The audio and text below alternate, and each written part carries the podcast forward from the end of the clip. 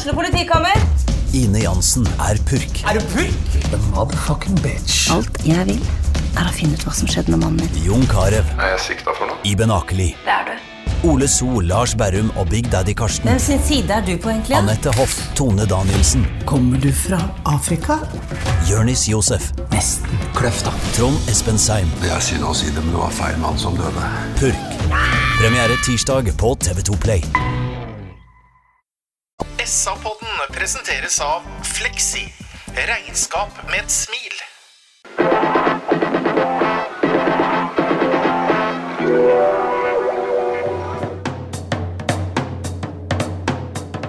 Sarpsborg Arbeiderblad gir deg en ny episode av SA-podden med Sven René Nygård, Øystein Weber, Petter Kalnes og Bjørn Inge Bingen Nilsen. Da er det stor glede å ønske velkommen til en ny episode av SA-podden. Også denne gang blir den spilt inn i Spania.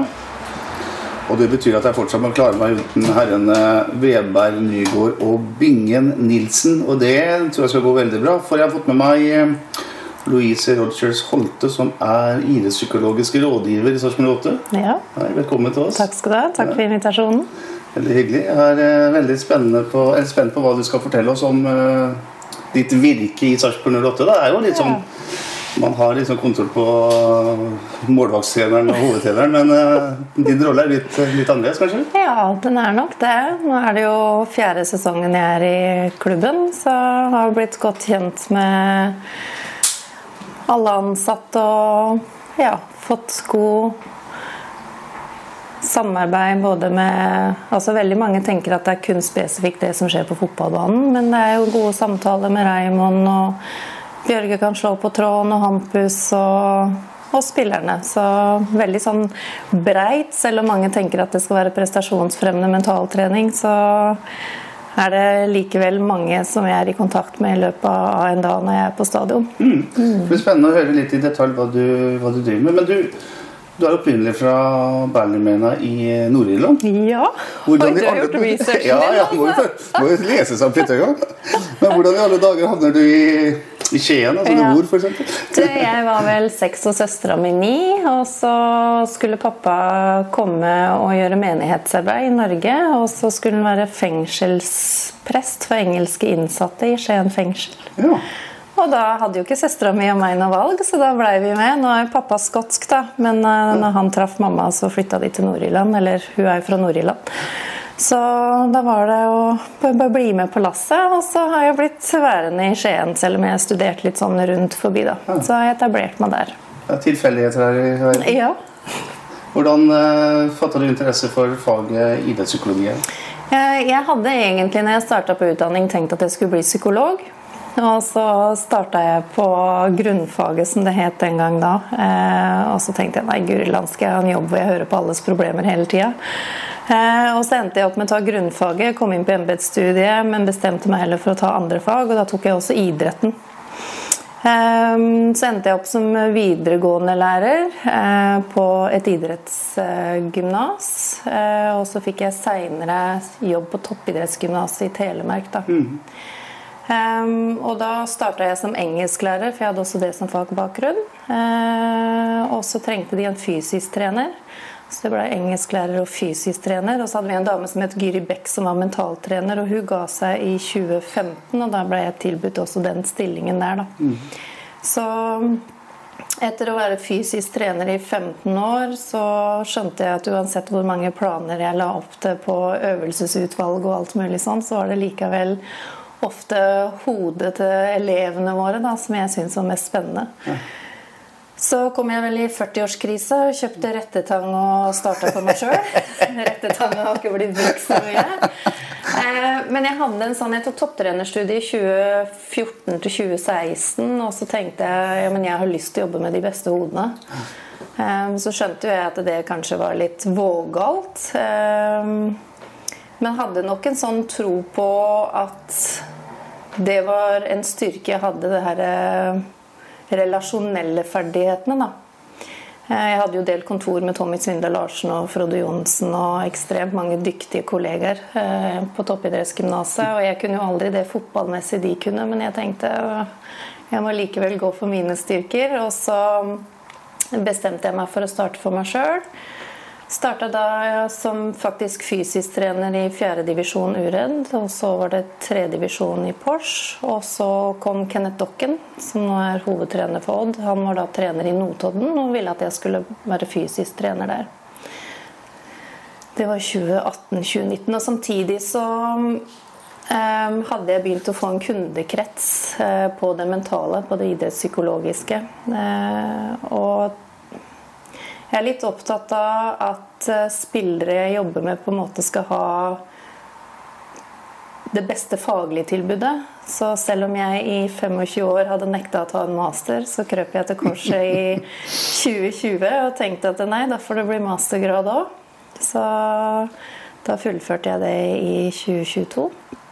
Så samtidig da så kom jeg jo inn i Sarpsborg eh, under eh, Mikke Stare Thomas var veldig opptatt av at de ville ha det inn igjen, for de hadde hatt veldig god suksess med det med Trond. Mm. Um, og så hadde navnet mitt dukka opp fra en agent som visste at jeg hadde jobba med noen av, av, spillerne. Og ja, ble kalt inn til intervju der. Eh, samtidig så var godset litt på banen. Eh, men det var jo ikke så veldig vanskelig å bli overtalt av Thomas Berntsen. Altså. han er god til å selge. Eller han var god til å selge Sarpsborg da, også. Det var jo veldig rart den gangen man eh, Lundås, Trond Lundåshaug heter han vel, eh, slutta. Og så mm. valgte man å ikke forlenge det med, med, med idrett, Jeg sier jo mentaltrener, mm. men altså idrettspsykologisk rådgiver. Og så krøp de på tydeligvis til korset, da, for det var tydeligvis at de fant at de, de savna noe. Ja, jeg tror det. Jeg tror det. Nei, men for meg så er um, Det er kanskje det som er litt misforstått med mentaltrening eh, eller idrettspsykologi. Da. Det er veldig mange som tror det er one size fits all. At uh, har du bare ting på plass, så hjelper det. Men uh, hvis du spør Carlos og de om å jobbe med det, de eksplosive faktorene på en utøver, da, så har de et øvelsesutvalg som er så bredt, og så tar de individuelle tilpasninger. Og Sånn vil det jo alltid være også med det mentale. Det er så bredt spekter av hva man kan jobbe med, men det er alltid erfaringsbasert. Ja. Og det er kanskje det jeg syns på en måte har vært Kanskje en kode jeg ikke knakk raskt nok når jeg kom til Sarpsborg. Det var egentlig hvordan klubben er drifta. Ehm, jeg var jo kanskje vant til å jobbe med folk som var etablert ganske høyt oppe sånn sett, og hadde vært gjennom tøffe perioder, mens vi ser i hvert fall i de foregående åra så har vi jo henta mange spillere som ikke har hatt tillit andre steder. De har vært ekstremt gode fotballspillere, og så har de kommet gått fra et miljø hvor de hadde tillit, til et annet miljø hvor ikke de har tillit. Um, og det å innse at eh, vi må nøtte Når jeg får inn, altså når vi får inn nye utøvere, så det første jeg gjør, er å finne ut av reisen deres for å se okay, hva slags perioder eller mm. type klubber, hvor har tilliten vært, hvor har tilliten ikke vært, hva har utfordringene vært for det individet. Så når du jobber med det mentale, så kan jeg ikke liksom ikke ta hensyn til historien de har, da. Så når Viktor Torv kommer til Sarpsborg som uh, ikke et vrakgods, men hadde nesten ikke spilt fotball på 18 måneder, og er det vet jo nå, en himla god fotballspiller, mm. så, så, må du, du må være med å bygge den opp, da, akkurat som det fysiske som du tar det mentale. Ja. Hvor stor del av æra for Viktor Torps suksess tar du Nei, Jeg snakka med en faktisk i går. Han vant de 4-1 i går. Men ja. Eh, Viktor er vel kanskje Jeg har hatt mange dedikerte i Sausborg, men han var helt rå. Ja. Han, eh, det var to, to samtaler i uka, spesielt på kamp. da. Det tok fem til sju minutter før hver eneste kamp. Om de var bortekamper, om de var i Tromsø, så ringte han. Vi hadde alltid avtale før de var ute og gikk tur. Og vi går gjennom hva som venter for kampen. Og Nei, han eh, var ganske dedikert til det mentale, altså. Ja, hvis du skal fortelle noe om samt, liksom, inngående om samtalen, hva, hva, trykker du på da? Er det sånn at du er eh, Brann stadion med 15 000 mennesker er noe annet enn å spille i Sandefjord? Er det sånne ting, eller hvordan? Nei, for for meg så er det alltid utgangspunkt i treningsuka. Eh, uansett hvor lang karriere er og hvor man er i karrieren, så er 75, nei, 95 av det de holder på med i trening. Så jeg ønsker jo alltid at vi skal ta utgangspunkt i treningsuka, hva som har vært fokus. Eh, hvilke justeringer kanskje har måttet gjøres i løpet av treningsuka. Um, og Torp ble jo brukt i forskjellige roller, mm. og alltid god på å reflektere om hvordan han hadde løst den, den type rollen, og hva han skulle ha gjort annerledes. Um, så på kampdager med både han og andre som jeg jobber med som spiller i utlandet, så, så går vi liksom bare gjennom hva hva har du hatt fokus på? Jeg ønsker jo at når kampdag kommer, så er det instinkt og intuisjon. Men da må du også tørre å belaste hodet gjennom treningsuka. Men det er der du er mest. Og det rare er spillere de evaluerer seg sjøl gjerne fra hva de gjør i kamp. Men i den posisjonen han spilte, f.eks., så har han ballen i 60 sekunder i løpet av 90 minutter. Mm. Mm. Og hvordan er det da for spillere enten her eller andre steder. Da. Hvis de f.eks. er spiller nummer 12, 13, 14, og så skal de evaluere seg ut ifra det innhoppet de har på sju minutter.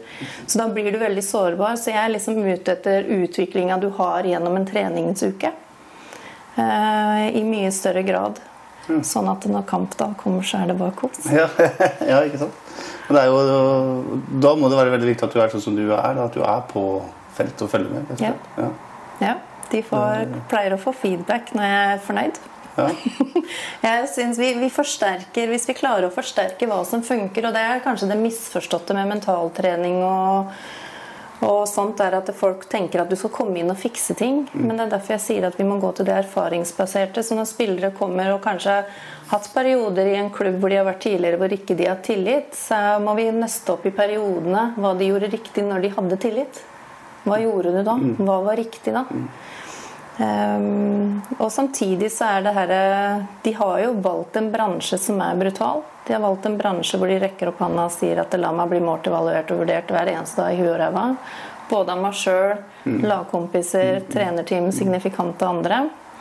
Uh, og det å være på en måte mentalt robust nok da, til å håndtere det, det får man ikke til hvis ikke man erfarer nok og reflekterer over erfaringene. Så i de preseason-samtalene jeg har, så er ikke Da er jeg ute etter ok, hvilke erfaringer gjorde du da?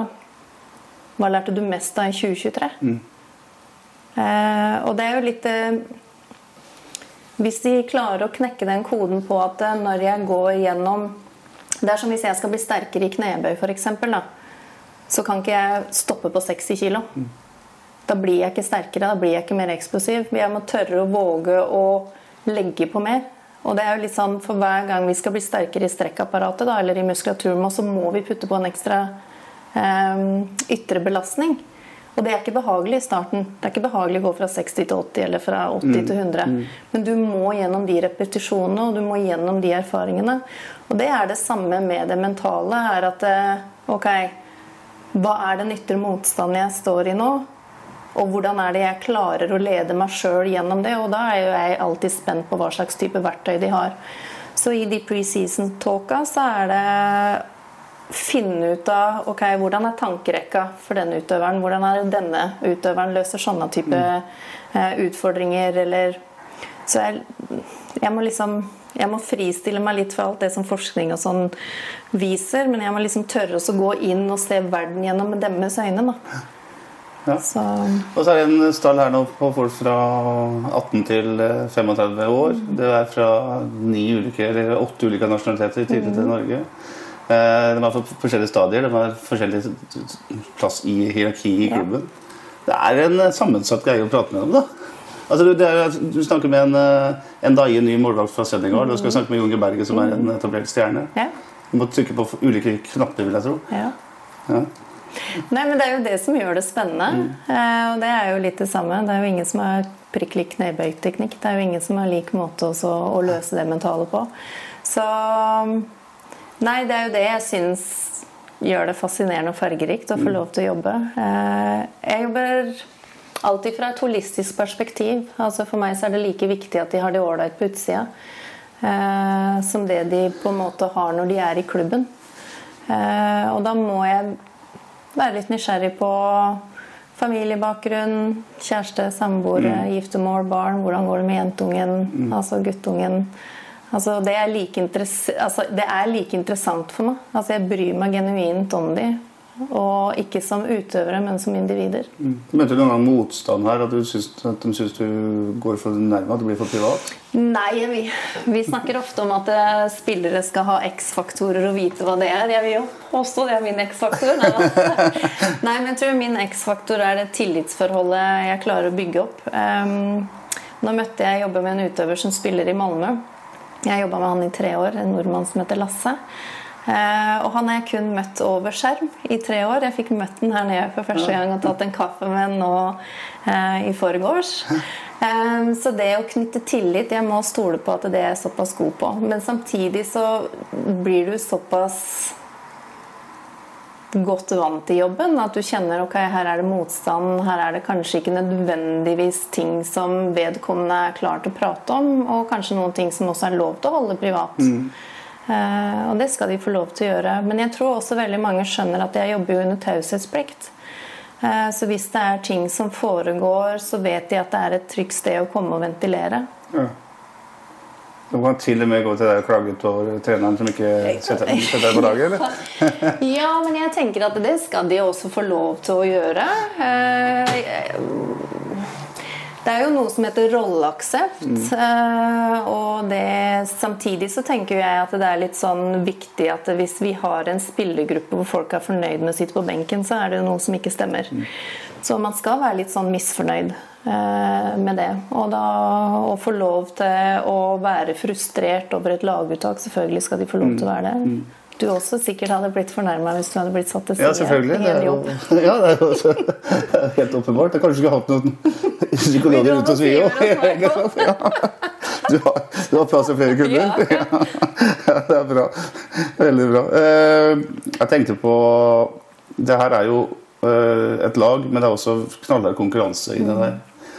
Og så jeg snakka med sportssjefen og eh, Bjørge Austad de siste dagene, og så sier jo dem at eh, ja, vi jakter på en midtstopper. da. Mm.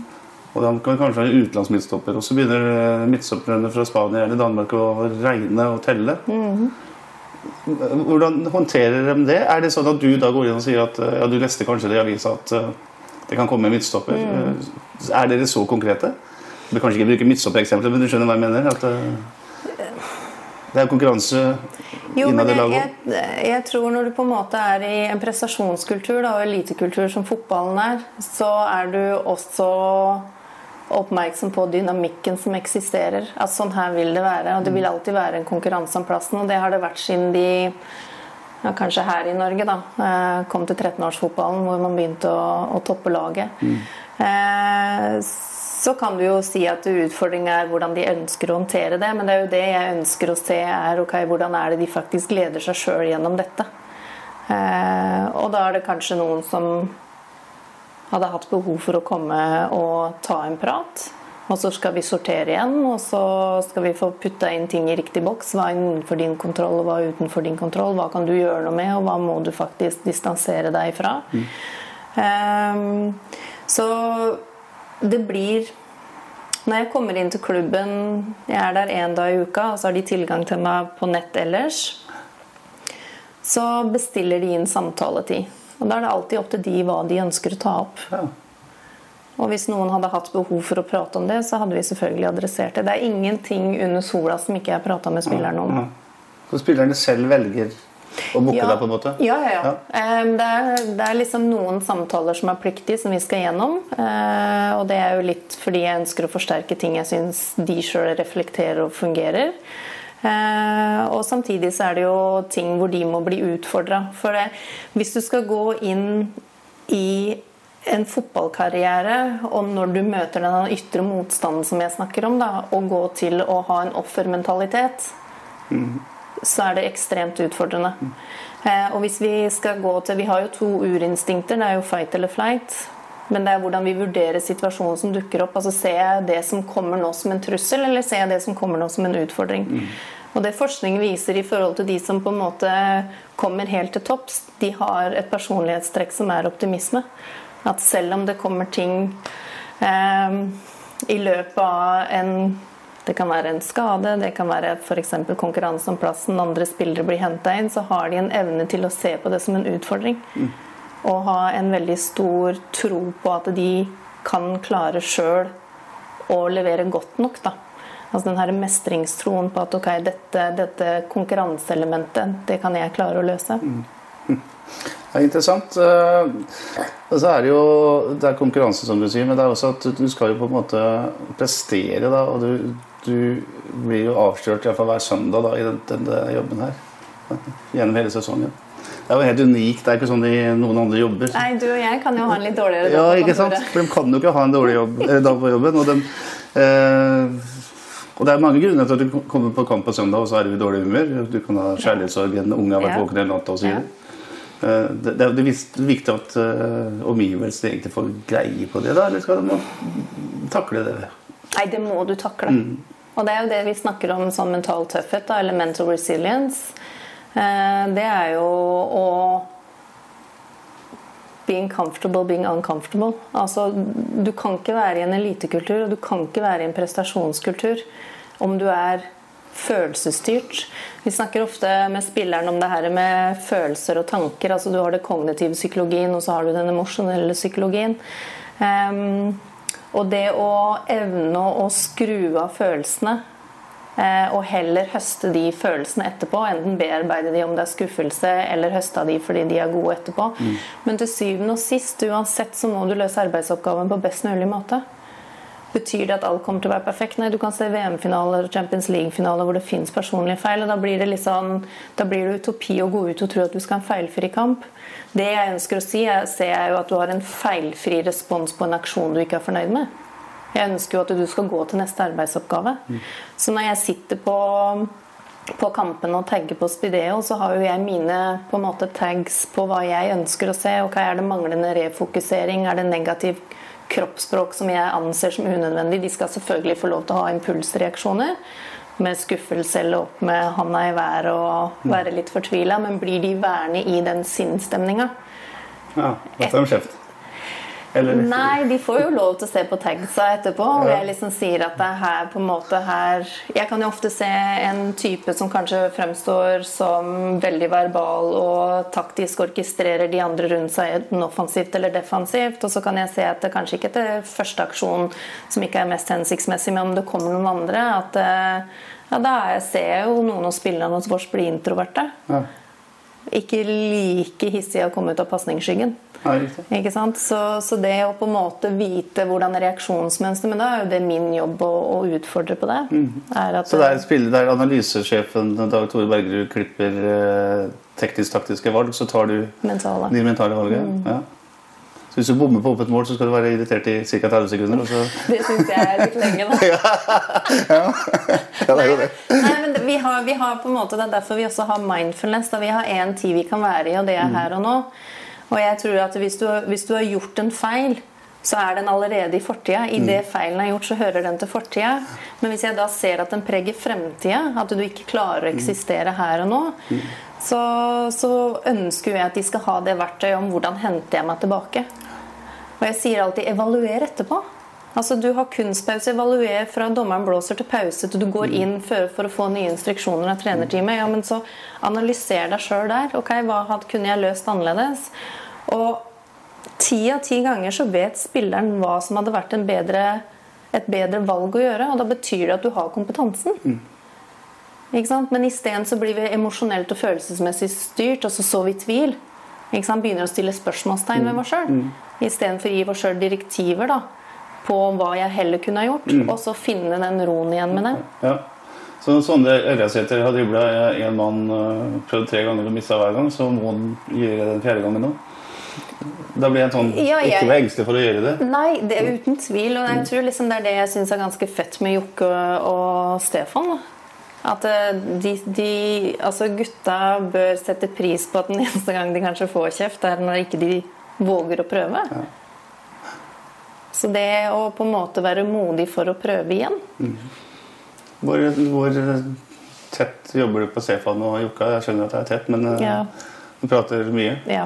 Jeg, når jeg er i klubben, så sitter jeg jo på kontoret sammen med de. Så Nei, det er et helt vanlig jobbsamarbeid. Ja. Altså. Noen trenere vil jo ikke ha noe særlig greie på hva Eller sånn, Den gammeldagse fotballtreneren var ofte sånn at han brydde seg ikke hva gutta gjorde på utsida av banen. Eller jentene.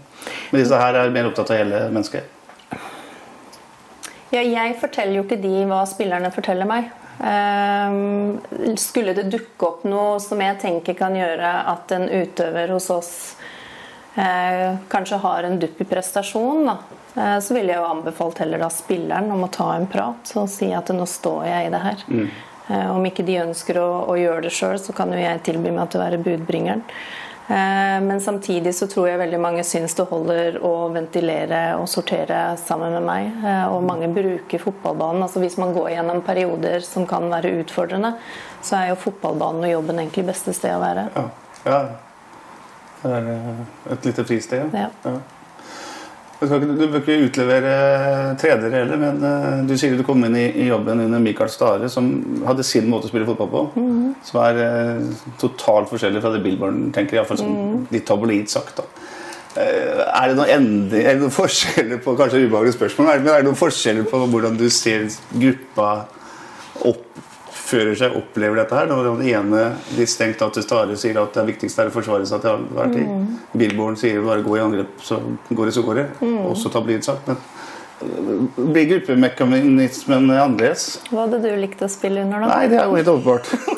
Selv om jeg er en gammel mann som syns at Billborn tar altfor mye sjanser, så Jo da, men det må, det, liksom, det må vi ta med i regnestykket. Ja, ja. på en måte. Positivt ment, altså. Så, nei, men det, du ser jo også det på typen spillere vi henter. Altså Vi henter jo, og de som er hos oss nå, vi har jo ekstremt ballsikre fotballspillere. Mm. Eh, kreative. Eh, egentlig ganske fri.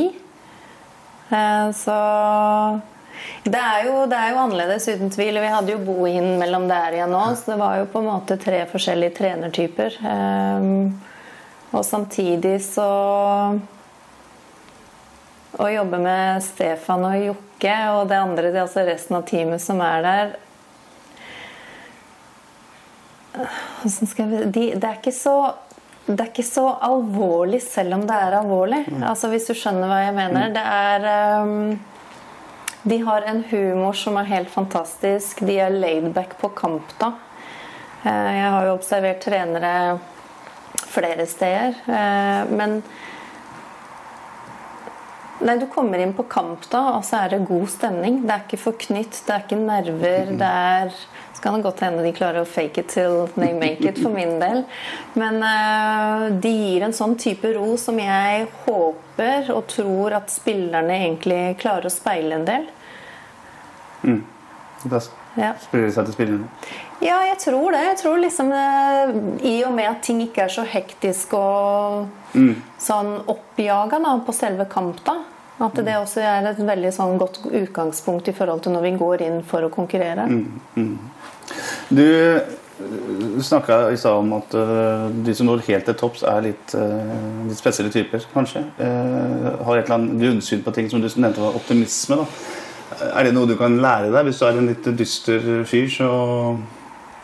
Jeg tror du må begynne å bli bevisst på hvilket, hvilke briller du har på når du ser verden. liksom. Altså Se hvor alt kommer til kort, eller se på en måte mulighetene som ligger der.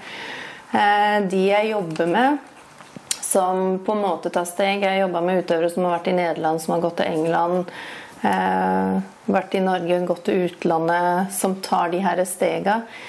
De skjønner samtidig er at hvor kan jeg hente prosentene? Og Det er ofte derfor jeg tror også de kontakter meg. At ok, det fysiske blir ivaretatt, det tekniske, det taktiske. Ok, hva har jeg å hente på det mentale? Og Det er derfor de kanskje tar kontakt også med en idrettspsykologisk rådgiver. For å få både råd og veiledning, men samtidig å få en sparrepartner. Eh, veldig mange av de, eller de aller fleste av de spillerne jeg har som spiller i utlandet, de har jo eh, mentaltrener eller idrettspsykologiske rådgiver i klubb. Men for noen så er det også godt å ha noen å snakke med som ikke er tilknytta klubben. Tror jeg. Som er ganske langt fra de som tar ut en, en startelver. Og for sikkert noen det å kunne snakke morsmålet sitt, da. Ja, Men det er ikke noe risk at øh, den ene rådgiveren gir et litt annet råd enn det andre? Du, Vi har utøvere hos oss som har eh, allerede eksisterende eh, samarbeid med, med rådgiver. Mm. Og det har jeg enorm respekt for. Eh, Spillere da vet at de er tilgjengelige hvis de ønsker en annen synsvinkel eller forsterke den synsvinkelen de har fått. Eh, Og så er jo de likevel med på det som er felles. Eh, for gruppa. Men jeg har vanvittig respekt for, for eh, samtalepartnere som allerede er der. Da skal ikke jeg gå og blande meg. Petters quiz. Da kommer høydepunktet i dagens sending, Louise, og det er eh, quiz. Og som alle andre som mamma her, så vet ikke Louise noen ting om det som kommer nå. Det er sykt dårlig gjort. Ja, det er dårlig gjort. men Det er veldig morsomt. Du som er så godt inne i denne klubben, det er eh, Det er noen nasjonaliteter her. Ja. Klarer du å ta alle sammen? Senegal, Danmark, Sverige. Jeg ville sagt Rafik var norsk, men også marokkansk bakgrunn. Um, Tebo er Nigeria. Ehm, jeg har sagt Sverige og Danmark, ikke sant? Vi må jo ta med de norske. Ja. Um, Så er det én ting. Og så er det en til. Ikke si noe. Jeg skal gå gjennom garderoben. Ja, vil du ha juniorskinn? Ja. Gjerne det. Ja, hadde du nemlig fått full pott, hadde du tatt den. Junior er Å, kom an. C. Begynner det ikke på C? G. G. Ga, nei, gam...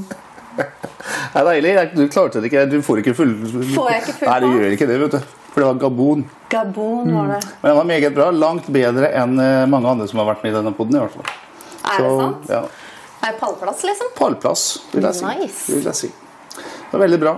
Vi kan fortsette med å prate om Jeg tenkte på jeg, Her nede på treningsleir så har jo, er jo hele tiden tilgang på dem eh, så mye du vil. vil jeg.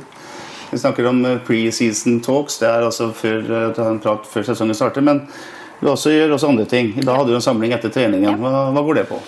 Det går på mindfulness. Eh, mindfulness bruker vi også hver gang jeg er i, i klubben. Meditasjon. Egentlig så får jo kroppene kjørt seg ganske greit her, så det er en veldig fin måte å booste restitusjonen på. Få avspent musklene raskest mulig, samtidig som det er et verktøy som de forhåpentligvis kan bruke i kamper f.eks., eller treninger hvor de trenger å nullstille ganske raskt. Så det er det å opprettholde et sånn fokusanker,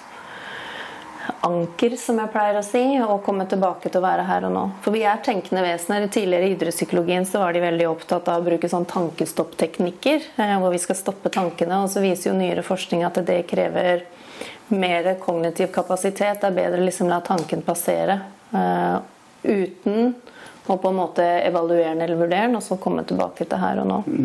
Så mindfulness eh, pleier vi å kjøre. Liker det godt i, når Det kommer litt an på hva jeg putter inn i den. Eh, Det kan være en bodyscan hvor de på en måte jobber del for del på kroppen. Det kan være en progressiv avspenning.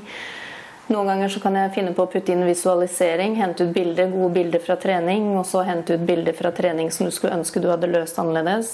Gjøre den løsningen, og så gjør de det i rolige, kontrollerte former. Så, så er det bra for immunforsvar og masse, Ja, masse godt ja, å hente. Redusere stre- produksjon av stresshormoner i kroppen. Og, Så det er eh, viktig for hele, for hele prestasjonen. Når du går rundt på treningsfeltet, så gir du noen tilbakemeldinger, ser jeg. Men mm. der Billborn sier at det var et fint skudd, sier du noe annet? Eller snakker du om eh, at man våger å gjøre det, eller hva? Har, her nede så har jeg rost når de har klikka på hverandre. Når jeg ser det blir litt oppheta, så står jeg og sm- smålogrer på sida der. Når jeg ser litt temperatur, eh, for jeg syns vi har vært for snille. Jeg syns vi har vært for lite kyniske. Jeg syns det er tiltak vi kan gjøre i kamper som vi kanskje ikke har gjort. Eh, Så når jeg sto og så på Hamarby-kampen, så har jeg aldri stått og glidd så mye Nei. eh, de åra jeg har vært ansatt. Jeg sto og tenkte hvem er dere elleve, og hvor har dere gjort av de vi hadde i fjor? Fordi det var ekstremt personlig. Det var veldig personlig for fire-fem utpå der. Um, og så skal jeg ikke bli euforisk og tenke at nå har vi knekt koden på det her. For det, det må være like personlig når vi spiller borte mot Kristiansund f.eks. Ja, ja. Men det vi så der, er nok ikke noe vi har sett så veldig mye av over en hel kamp. Nei, det var, jo personlig fordi mange hadde et forhold til Hammarby fra før. Men eh, vi sto og snakka om er dette Armar Shears eh, fortjeneste, fordi han gikk jo bresjen fra starten av. Er det så enkelt at han eh, Nei, Han var jo litt, litt, i anførselstegn litt småstygg i den kampen der. Eller Nei, de Tøff, tøff, si tøff, da. Han var helt på sin plass. Eh, han, Skulle vært utvist etter et kvarter, men det Jo da. Men du kan godt tenke at ok, kanskje min refleksjon hadde vært har for høyspenning. Mm. Men når jeg ser synergieffekten det har, og det var for andre altså For andre så var det viktig at den kampen skulle vinnes selv om det er en treningskamp. Mm. Eh, men for meg så er det sånn ok, ligger han på for høy spenning, han klarte å regulere seg sjøl ned, så kan det godt hende det var andre der som ikke klarte å regulere seg sjøl like godt ned. Um, no names mentioned.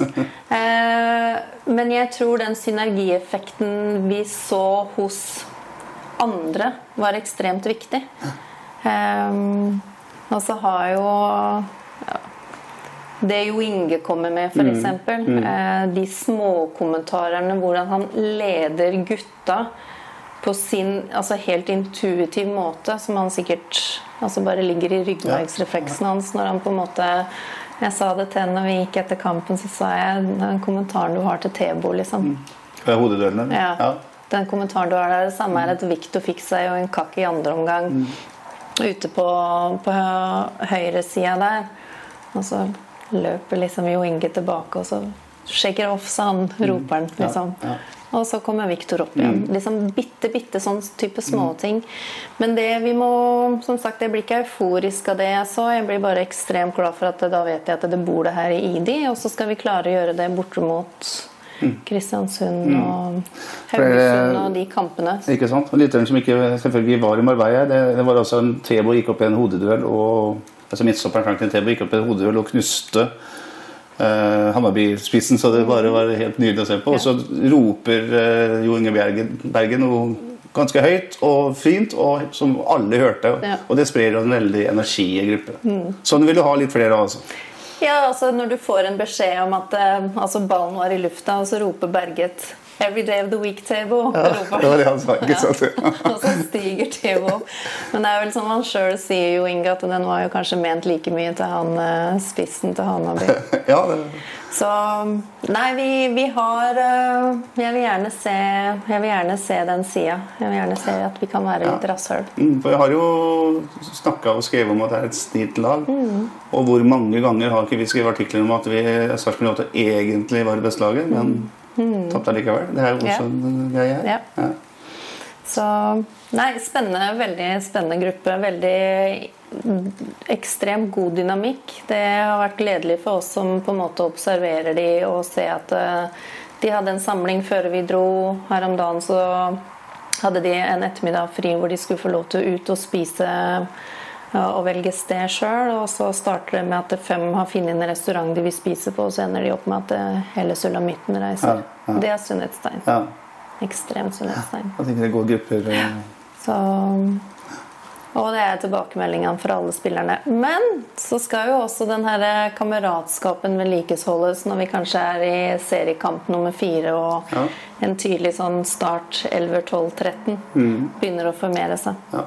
Og da har vi jo ting å jobbe med som går på rolleaksept. Men også det å stille krav til de som kanskje er i en naturlig startelver. At det man må også våge seg imellom og stille krav til hverandre i trening. er det et, eh, Skal det være et hierarki i laget? Er det positivt? Altså at det er et klar forskjell på Det er nok det de fleste er vant til. Og jeg tror eh, det er jo kanskje det vi har mangla nok ledertyper. Så jeg vil jo gjerne ha det. For vi må ha noen som Hvis vi spoler tilbake halvannen sesong, da, eller én sesong, så er det ikke mange fingre vi trenger å telle på for å finne ut av hvem som har vært med på å vinne noe. Nei. Eh, og det har kanskje vært en utfordring, for hver gang vi liksom trykker til at ok, vinner vi denne kampen, så blir det denne type plassering. Når vi har snakka om resultat og plassering, eh, så syns jeg kanskje at vi har gått litt opp i sømmene. Eh, så jeg har på en måte gleder meg til å se at nå har vi på en måte, nå har vi jo Jeppe har jo vunnet ting, Tibling har Junior har jo vunnet en cup. Jo Inge Berge han har jo vært med på å vinne en del. Så det å ha det ubehagelig i de kampene hvor det står om noe, det trenger vi bli bedre Og akkurat det er vanskelig for deg å lære en som aldri har vært med på å vinne. liksom. Ja, det er jo det. Men det er jo akkurat det jeg sa innledningsvis òg. F.eks. dette med ok, hvilke erfaringer Jeg må kunne se verden fra deres, deres ståsted. Og det er jo som du sier, at hvis ikke de har vunnet noe, skal de, hvor skal de legge det på erfaring? Eh, og det er derfor vi nettopp har trengt å få inn kanskje flere som har holdt i litt edelt metall. Er det ikke overbetalt uh, guttunger dette her som eh, lever av noe de syns er veldig morsomt, liksom? Er det Vet du, de er så, fi, ikke de er så fine. PlayStation-greiene er, er ikke så fremtredende lenger? Nei, vet du hva, I en tropp så vil du finne alle mulige former, men eh, måten Du kan snakke med hvem som helst som har spilt i Sarpsborg over lengre tid, og det er vel ikke mange du har hørt som har sagt noe negativt om det å komme inn i garderoben. Og det har vært mange innom garderoben i Sarpsborg. Altså Lins når han dro fra Linseth når han dro fra Sarpsborg, så hadde vel han på de tre åra han var hos oss, spilt med 80-90 forskjellige typer spillere. Og det har kanskje vært en, det er der jeg må nok feie for egen dør, hvor jeg har snakka om det her med å blø for drakta og klubbidentitet. Eh, Jeg har nok snappa den opp litt feil, at det er ikke der jeg kan begynne. Jeg kan ikke snakke om det når spillere kommer til oss fra agenter, selger oss som et springbrett videre. Så det for veldig mange, ikke alle, men for veldig mange så er vi et springbrett. Og da må egentlig utgangspunktet mitt for mitt arbeid starte med det. ok, Hvordan kanskje skape det vi ser i større grad i år. Da, det her å spille for hverandre. Og så vet jeg i- i den filosofien som Thomas og klubben da, hadde, var at vi skal være hardtarbeidende, og vi skal være de som løper mest, og det er en arbeiderby, og det skal være en arbeiderklubb, på en måte, med, med det vi ser. Ja, det hadde jo vært helt fantastisk om det hadde vært nok for meg som fagperson å knekke kodene på det. Så kanskje det er jeg som har hatt skjegget litt i postkassa, så jeg må jo som sagt feie for egen dør på at jeg kanskje tidligere skulle ha distansert meg litt fra å våga å kanskje distansere meg litt fra det. Fordi vi er en selgende klubb. Og da må vi kanskje si ok, er det riktig da at vi skal snakke om å blø for drakta når det er et springbrett Ja. videre? Da må jeg heller jobbe med gruppa her og nå. Da må jeg jobbe alltid med gruppa Ja. her og nå i større grad. Og det er ikke for å undergrave at det er flotte verdier i klubben. altså, på ingen som helst måte. Det er viktige verdier som klubben har, men jeg må også forstå den dynamikken som eksisterer i, i klubbens driftfilosofi. Da. Så får vi jo håpe at det blir sånn at det blir en bærekraftig økonomi nok til at vi kan holde på folk lenger, og at det blir en på en måte attraktivt sted å være over tid. Da må vi også kanskje begynne å ta en prat med agentene på annet sett og vis. Ja. Sånn at det kommer Eller bare begynne å vinne mer, det er kanskje ikke vanskelig, Ja, ikke ja. ikke sant. Men eh, du sier at eh, det er helt rett i at det er eh, veldig hyggelige typer. Mm. Det har alltid vært. Tror du det har noe med klubben eh, klubben som helhet å gjøre? Altså den Ja. familiære klubben? Jeg tenkte, Det var en gang det kom en ned på Jeg snakka med en i støttegruppa som sa at han hadde, en som hadde gått forbi en, en trener eller spiller uten å hilse. Og som han sa, det gjør han ikke en gang til. Nei. Det, altså, Ja. Kommer man ned der, så blir man dratt inn i den Ja. der ja. Men jeg har jo Den skolen der jeg jobber, der har vi jo Altså Odd er i samme bygd, da. Og før kampene mot Odd, så sier jo de som jobber der, at det er irriterende at vi tar så få poeng der borte. Men det er fryktelig hyggelig å komme dit. ja, ikke sant? Så det er alltid, og jeg tror liksom altså Sarpsborg har veldig gode skussmål altså, Mm. på, på at det er en, en fin klubb Mm. å komme både til som motstandere. Det er ikke så hyggelig det som kanskje skjer på banen, Nei, men eh, nei. Må ikke bli for snille, da. nei. Du må fortelle litt, Louise, om eh, de andre klientene du har, som har kommet et stykke lenger enn en del av Sarpsborg foreløpig. Du har en del eh, store navn, hvis du kan Ja, noen av, de, dem, kan du no, noen av de kan jeg dele. Altså, Ja. Som sagt så er det alltid utøveren som bestemmer om, om det kan bli offisielt eller ikke. Mm. Men nå har jeg vel jobba med Kristoffer Eier i fem år. Jobba med Strand Larsen i tre-fire år. Tre eller fire år. Sondre Tronstad. Lasse Berg Johnsen. Syme Butichi um, har utøvere som kanskje ikke deres publikum kjenner til, men i Bayern Akademiet på U23 der Bologna Ja. Ja. Litt sånn forskjellig. Josh Kitolano. Og så er jeg utøvere som også er knytta til andre eliteserieklubber. Så det er ikke noen motsetning for å jobbe med andre i andre klubber? Nei, det var jo litt eh, det jeg snakka med, med Thomas om når jeg signerte for ja, godt over tre år siden. Mm. det er jo at jeg på en måte driver jo også for meg selv og kommer til å ha på en måte den kontakten. For meg så er det uproblematisk. Da tenker jeg det bør jo det også være det for Sarpsborg. Jeg leste en sak om uh, Ayer, Kristoffer Ayer, Brantford uh, landslagsspiller, Uh, som sier han har en samtale med deg kvelden før hver kamp. Men så er det en berømt SMS du sender, sender til henne. Eh, ja, ok. Men da får du til å. Og der står det- det som står i denne artikkelen, at du sender f.eks. 'ha det gøy på jobb i kveld', eller 'god kamp', eller Ja. 'kos deg'. Kos deg på jobb i kveld. Mm. Og det hjelper, det, altså. Det er det jeg egentlig vil fram til. Eller er det bare for Nei, at du er hører en hyggelig som jeg sa, sa innledningsvis, da, altså hvis, hvis, du ned, hvis du legger ned fokus i treningshverdagen, da, så, er jo, så er jo kamp da bonus. Og så er det jo jeg tror, jeg tror flere spillere bør knekke koden på at en dag så er det her slutt. Og hvorfor i alle dager skal jeg ikke nyte det mens jeg holder på? Om det er foran 80 000 på Old Trafford, eller om det er på Anfield Road, eller om det er um, for, for Jørgen, da, som skal spille i Spania på de store arenaene Barcelona Real Madrid. Altså, det er fryktelig dumt hvis ikke de koser seg. Ja, det er helt åpenbart. Ja. Ja, men det, Nei, når men du sier det, så er det jo helt ja, ja, krystallklart. Da, da tror jeg liksom at okay, hvis vi, hvis vi belaster oss nok gjennom treningsuka fysisk, fysisk teknisk, taktisk, så, og vi har også gjort det mentalt, så får vi bare egentlig høste på kamp, da. Den jobben som har blitt gjort. Ja. Men hadde ikke det vært deilig å høre fra din signifikante andre? liksom Kos deg på jobben. Jo, jo, absolutt. Det er jo Da kanskje jeg burde få noen til å begynne å sende det til meg? Ja. Ha det, ha det fint på jobb, ikke? Jørgen Sand Larsen, vi kan sikkert ikke gå i detalj på det, men eh, hans forvandling er jo eh, helt enorm.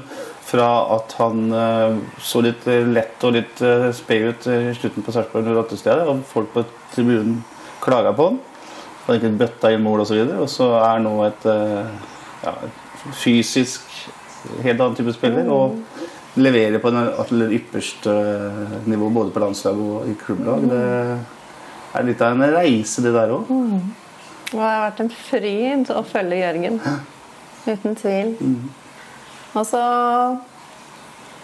Jeg sier til Jørgen at han ofte ser ut som en sånn valp når han springer rundt utpå der. Sånn ivrig og glad og litt sånn. Men jeg tror det er mis... Altså hadde folk visst hva, ikke Jørgen nødvendigvis, men liksom veldig mange av de, også de vi har i klubben vår, da. Altså hvor profesjonelle de egentlig er, og hvor lite de overlater til tilfeldighetene, så bør de ikke være overraska. Det er ingen som bør være overraska at Victor Torp gikk til Coventry, liksom. Nei.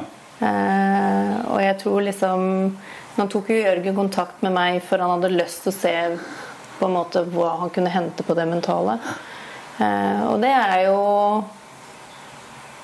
utøvere som har gått gjennom tøffe perioder tidligere. Kanskje den perioden du nevner, da, men også liksom blir sendt av gårde til Italia Ja, ja. i ung alder. Ja. Og så manøvrerer han på sett og vis gjennom det. Har man kanskje den derre sportslige suksessen der og da? Nei, men det som er fett med de spillerne jeg syns jeg jobber med, det er liksom den genuine trua på seg sjøl på at de kommer til å, å få ut sitt potensial. Og så gir jeg de noen sånn kjærlig tupp i ræva på veien. Ja, Nei, men det er tough love. De, Ja. Det er ikke mange spillere som blir pusa med. Altså. Det, det, det er ikke det de betaler meg for. Hva gjør du med disse stjernene når de får, eh, når de får kontakt med Brentford i Premier League, eller uh, Jørgen Sand Larsen skårer to mål mot Real Madrid? Da får hun beskjed om å holde seg bena på jordet da? Eller? Nei, men de har kommet så langt at det får de til. Men er, det like, er du like viktig med medgang som motgang? Vanskelig å svare generelt på det, kanskje, men eh, Nei, men noen ganger altså du må, Jeg tror du må liksom heller se på det i et sånt lengre perspektiv. da. Du må ha en aksept for at i løpet av en karriere så vil du ha en liksom god bolk med gode kamper, og så vil du kanskje ha en bolk med begredelige kamper, og så, eller treninger, og så en bolk med fremragende kamper. Men eh, til syvende og sist så er det liksom å søke det å høyne sitt eget nivå så det ligger mye jevnere. Så at man liksom ikke har de her store svingningene, men at man liksom klarer å ha det jevnere ut. Og da er det tilbake Jeg maser om det greiene her. Unnskyld, jeg, dere blir lei av å høre på det. Men eh, det er å løse arbeidsoppgaven mest hensiktsmessig i trening. Det er der de er 95% av tida. De som har en utfordring med det nå, er f.eks. Tronstad og, og Viktor, som jeg har i, i championship, hvor det er sykt mye kamper. Altså De har kanskje én trening. Ja, men det jeg prøver å si til de da, og som de også har, har erfart nå, at de må jo bruke kampene som trening. Det må de jo nødt til å gjøre. Men det er liksom, ok, jeg evaluerer i ettertid. Jeg ser over hva, hva tar jeg med meg som jeg bygger videre på, hvilke justeringer gjør jeg inn mot neste gang, og hva er det innspill jeg får for trenerteam eller andre rundt da, som jeg må jobbe med. Men den søken etter læringa, den er nok en stor forskjell på, på de som kommer opp på høyere nivå. Poddens overtid. I overtida Louise, så skal vi snakke om eh, noe som skjer 13. april. Ja. Ja, og det er jo et visst lokaloppgjør. ny quiz. Nei, ikke noen flere quizer nå. Det, så slemme er vi ikke. Eller så slemme er jeg ikke. Eh, det er en helt spesiell kamp for i hvert fall vi som eh, følger fotballen og følger fotballen i nede i Glomma-regionen. Det er eh, to byer mot hverandre. Det er supportere som i anførselstegn hater hverandre osv. osv. Er det ikke deilig? Ja, er det ikke deilig for oss for så mye som skal se på? Men da skal vel du inn og ufarliggjøre det, da, du da, eller for spillerne? Er det sånn det Nei, går men tenker du at de skal gjøre noe annet, andre arbeidsoppgaver? Nei, men jeg tenker at eh, jeg kunne godt tenke meg at de var veldig klar over hva denne kampen betyr. Er det, er det noen hensikt å fortelle en, en nigerianer at eh, disse byene Nei, har kriga i 100 år? Nei, Det vet de.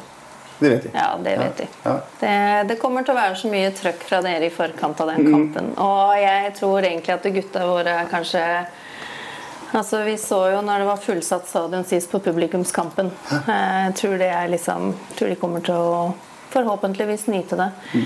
Eh, og så er det kanskje det jeg må forberede dem på, er jo at det plutselig så kommer Sarpsborg til å få litt mer trøkk fra riksmedia Ja, enn det ja. de er vant til. Mm. så det er kanskje høyst på tide. Mm, ja.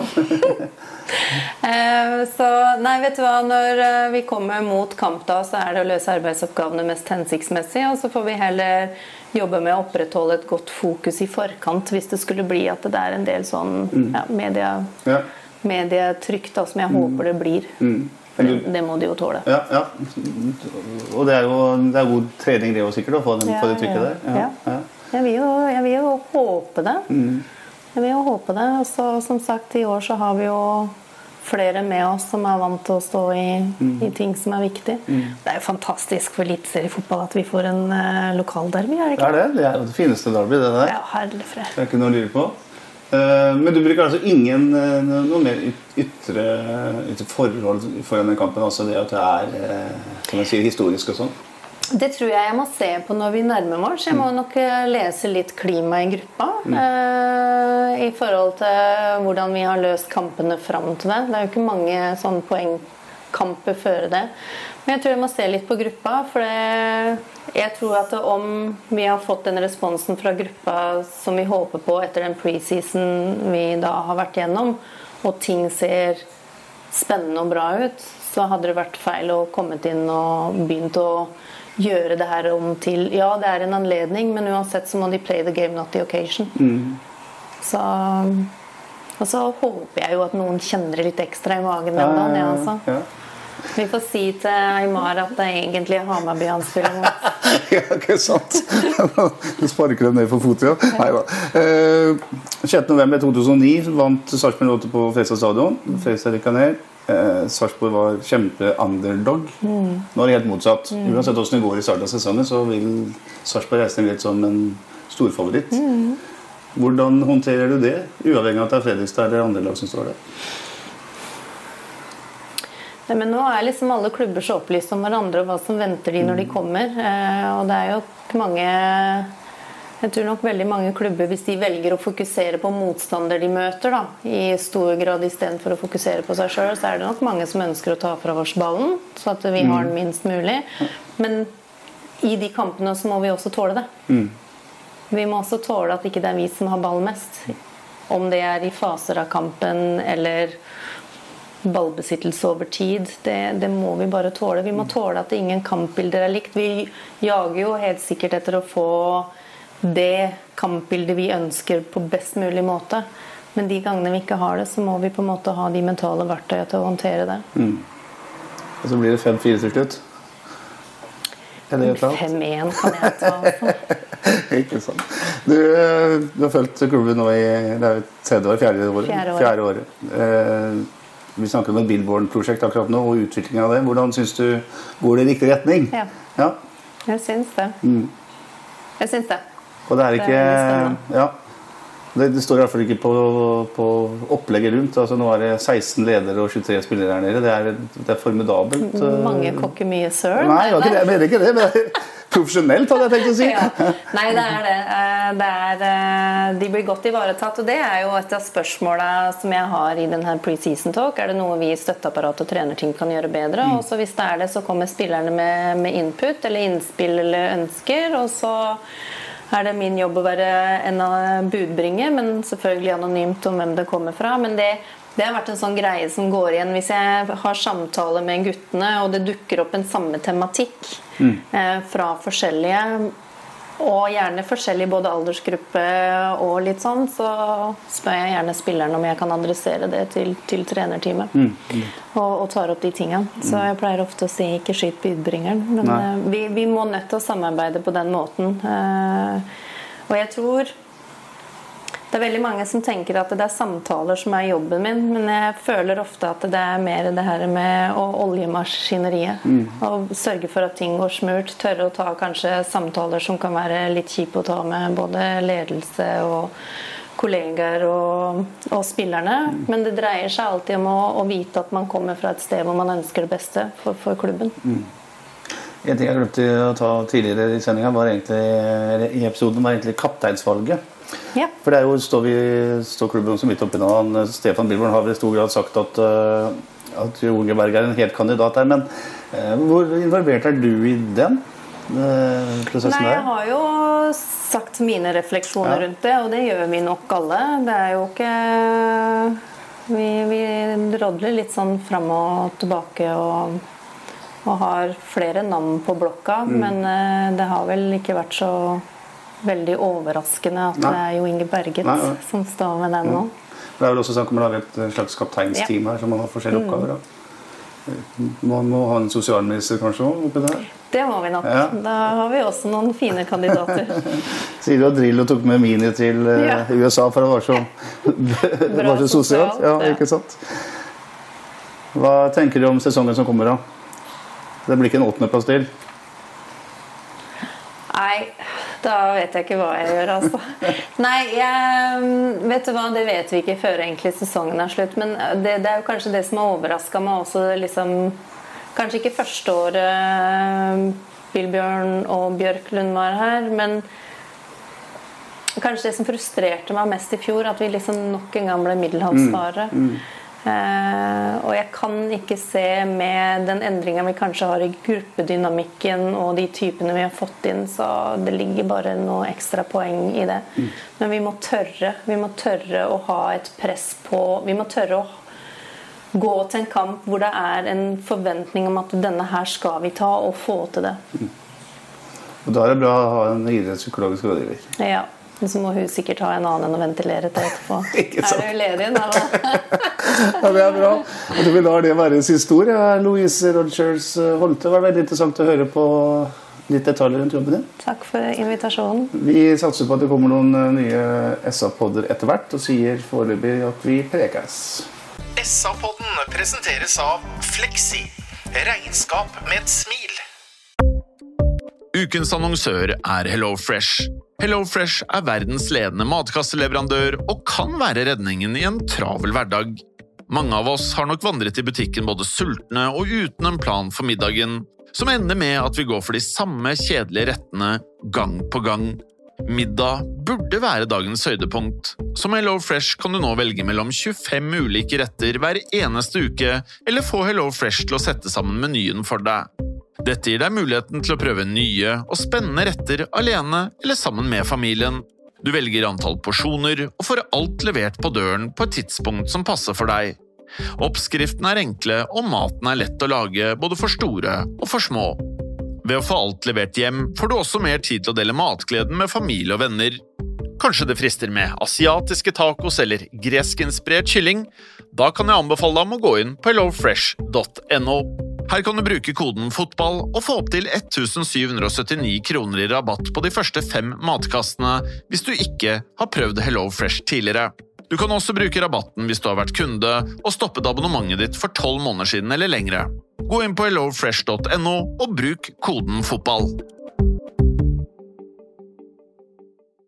Har du et enkeltpersonforetak eller en liten bedrift? Da er du sikkert lei av å høre meg snakke om hvor enkelt det er med kvitteringer og bilag i fiken, så vi eh, gir oss her, vi. Fordi vi liker enkelt. Fiken superenkelt regnskap.